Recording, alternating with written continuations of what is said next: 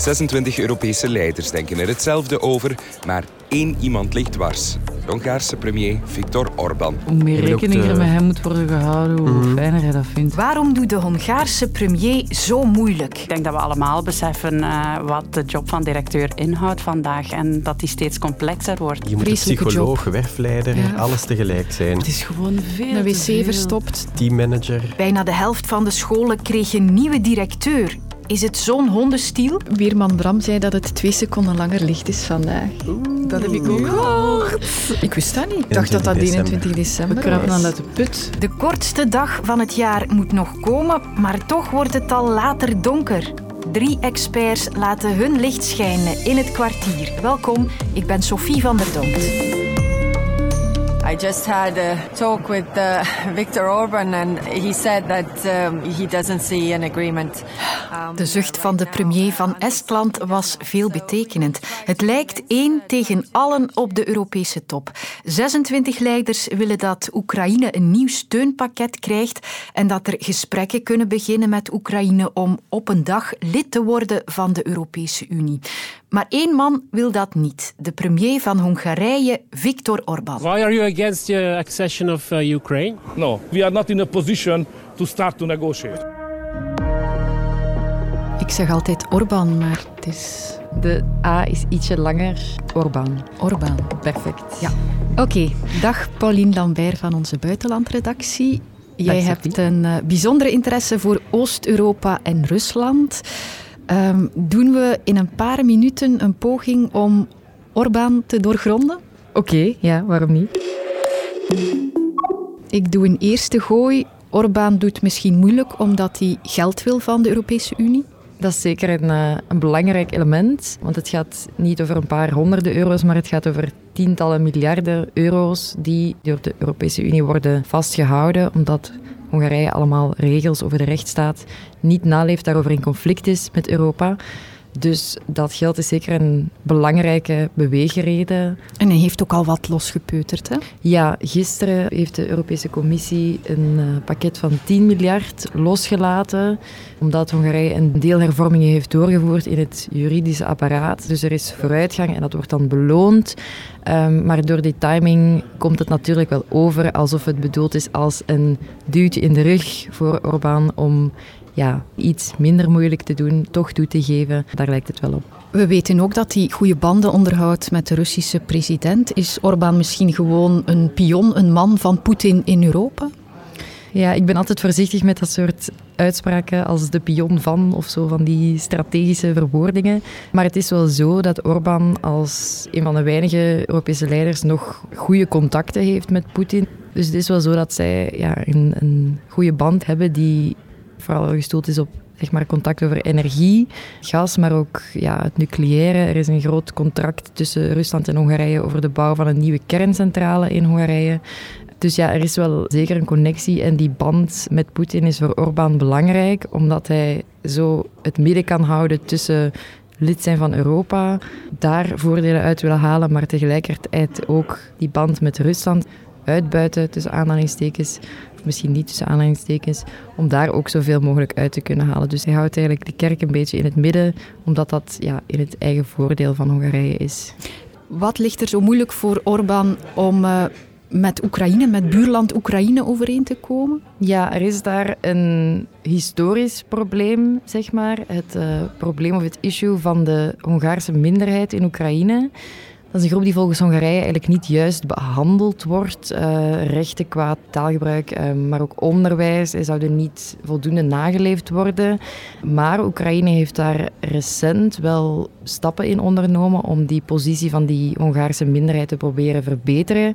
Maar ook dat is voor Hongarije op dit moment niet genoeg, uh, lijkt het wel. Want eens dat Oekraïne die stappen ondernam om dat te verbeteren, begonnen de argumenten van Hongarije over waarom Oekraïne niet past in de Europese Unie enzovoort dan te veranderen naar andere argumenten in verband met corruptie enzovoort. Dus dat probleem van die Hongaarse minderheid is significant, maar lijkt niet zo'n onvoorkomelijk probleem dat dat niet op te lossen valt. Dus het feit dat dat niet opgelost geraakt, zeker als Oekraïne wel stappen onderneemt, doet vermoeden dat dat misschien toch niet de belangrijkste reden is waarom Hongarije dwars ligt over het Europees lidmaatschap van, uh, van Oekraïne. Minder belangrijk dan zeg maar, de reden van het Europese geld dat nog altijd vastzit. En, en de strategische visie. De strategische visie, de contacten met Rusland enzovoort. Kunnen we die man echt doorgronden?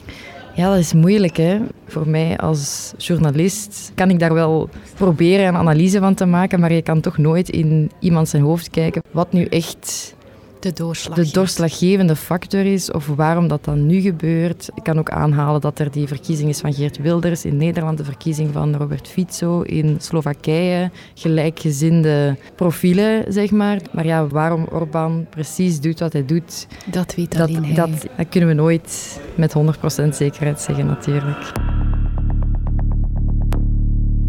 Een van mijn collega's bij het kwartier heb ik vandaag teruggestuurd naar school. Met een reden, we zijn geschrokken van de cijfers over directeurs die ermee stoppen.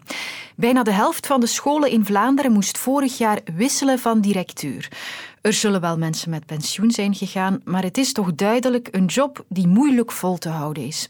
Ik heb Mathieu Lombois afgezet aan de poort van het meertalig Atheneum in Woluwe bij directeur Christophe Kalis. Hallo. Goedemiddag, kom Dank je, dank je wel. Hallo. Eerst, uh, ja, ik vind hem niet. Zijn de, de leerkracht kwijt. Oei. en dan anders contacteer je hem en, en maak een afspraak. Laat het mij dan gerust weten. Is dat goed? Ja, bedankt. Hè. Ja, dag. Hallo. Ik kan nog even naar het toilet toe. Ja, doe maar, doe maar op je gemak. Sorry dat ik kom storen op je drukke dag. En, en wat is eigenlijk de insteek? Er is iets nieuws geweest over directeurs? Ja, de helft van de directeurs die vorig jaar directeur was, is het dit jaar niet meer. Oké. Wel, als ik kijk naar deze school hier, weet ik de laatste vijf jaar zijn er hier vijf directeurs geweest. Vijf directeurs op ja, vijf jaar? Maar de bedoeling is dat ik hier nu wel duurzaam ben. Ja, dat is echt wel de bedoeling. Ja, ja dus hoe, lang, hoe lang bent u al directeur dan? Officieel start op 1 september. Dus, uh, dat is heel nieuw. dat is nieuw. Dus ik denk dat het niet verrassend is als ik zeg dat het heel druk is. Het is heel veel werk. Nu is het iets minder druk door de examens. Maar de week voor de examens bijvoorbeeld was het klasseraad. Dan doen we dat s'avonds. En dan uh, was ik hier elke avond tot tien uur. Ja. En dit is de leraarskamer. Dit is de leraarskamer. Voilà. Aan het verbeteren allemaal. Uh, ik Hallo. aan het verbeteren en punten aan het verwerken. En, uh, ja, ja. ja. Rapporten uh, klaarstomen, punten ingeven, ondertussen nog lesgeven. Dus uh, ik ben blij dat het bijna vakantie is. Ja, dus u moet hier dan ook uh, af en toe uw gezicht laten zien bij de leraars? Uh, ik, ja, ik denk dat ik een toegankelijke directeur ben. Ik, vind het, ik maak er echt wel een punt van om ook koffie regelmatig te nemen in de leraarskamer. Vaak ja, zijn er dan heel kleine gesprekjes aan directeur, dat je ziet, ik wil nog dit zeggen of dit vragen. Ik heb veel tijd in, maar ik denk dat dat wel belangrijk is. Dat ze weten, de leiding van de schoolleiding is er en we kunnen er altijd beroep op doen. Ja, dus je hebt contact met het personeel en toekomstig personeel. Hoe zit het met de administratie? Ja, dat is dan nog een ander deel.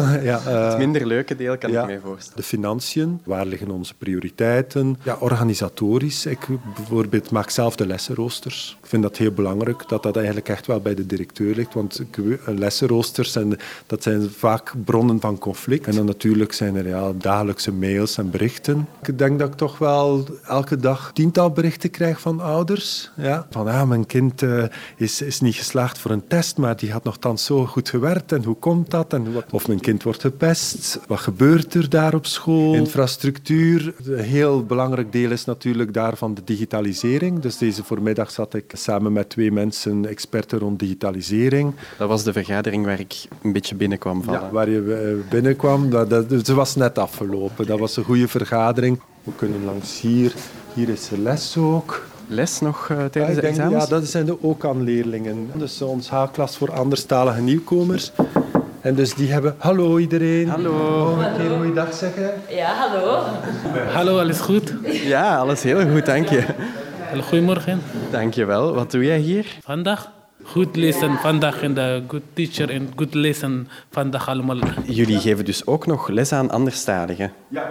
Dat is veel uitdaging en ook heel veel verschillende balletjes die je in de lucht ja. moet houden. Ja, ja, ja. Want dat is wat het dilemma waar ik als, als directeur mij in gekneld voel. Er is de dagdagelijkse operatie, ja. maar tegelijkertijd ja, wil je naar de toekomst kijken en je, eigenlijk zit je tussen die twee constant te laveren. Dus van, ja, als je de hele tijd een beetje kritisch management moet doen, dan heb je toch geen tijd om veel op lange termijn uit te denken. Ja, dat, dat, dat, dat mis ik soms. Ja. Ik merk nog heel veel enthousiasme. Ja. dus een echte hondenstiel kunnen we het directeurschap misschien niet noemen? Nee, daar is zo'n te, te boeiend en, en te mooi voor. Je ziet mensen echt tot bloei komen. Je hebt daar straks ook gezien, maar ook aan leerlingen die hier tot verleden jaar nog nooit een, een, een, school van binnen hadden gezien. En dan zie je hier drie, vier maanden later dat ze eigenlijk echt al kunnen beginnen communiceren. Dat is geweldig. En dan uh, hopen dat die binnen nog een half schooljaar ook hier kunnen instromen in ons regulier. Ja, daar, daar is het te mooi en te boeiend voor om het een hondenstiel te noemen. Maar het is pittig. Ik vind het fysiek zwaar. S morgens heel vroeg opstaan ja, ik heb zelf ook kinderen, zorgen dat kinderen op school zijn, hier op tijd staan.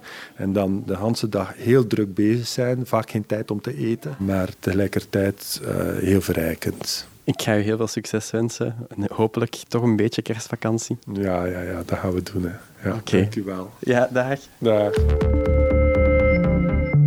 Ik heb collega's die er goed tegen kunnen. Ik ben zot van de donkere dagen. Hoe minder er te zien is, hoe meer we luisteren. Buiten is het nog donker, niets te zien. We houden van de donkere dagen. Maar helaas ligt het bij mij toch wat anders. Ik heb licht nodig, dat doet mij deugd. Dus dit bericht fleurde mijn donkere ochtend vandaag al wat op. Vanaf vanavond gaat het stilletjes aan langer licht blijven. Dus gisteravond ging de zon op haar vroegste onder. Vandaag doet ze dat ongeveer een, een tweetal seconden later. En de komende dagen komt er ook altijd wat bij. Wil dat dan zeggen dat de kortste dag van het jaar al achter de rug is?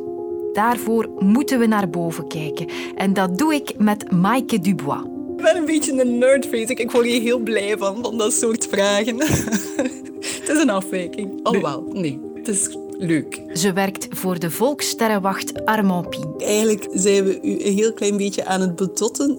Langer licht, dat klopt wel. Het is te zeggen, de zon gaat alweer een mini, mini klein beetje later onder.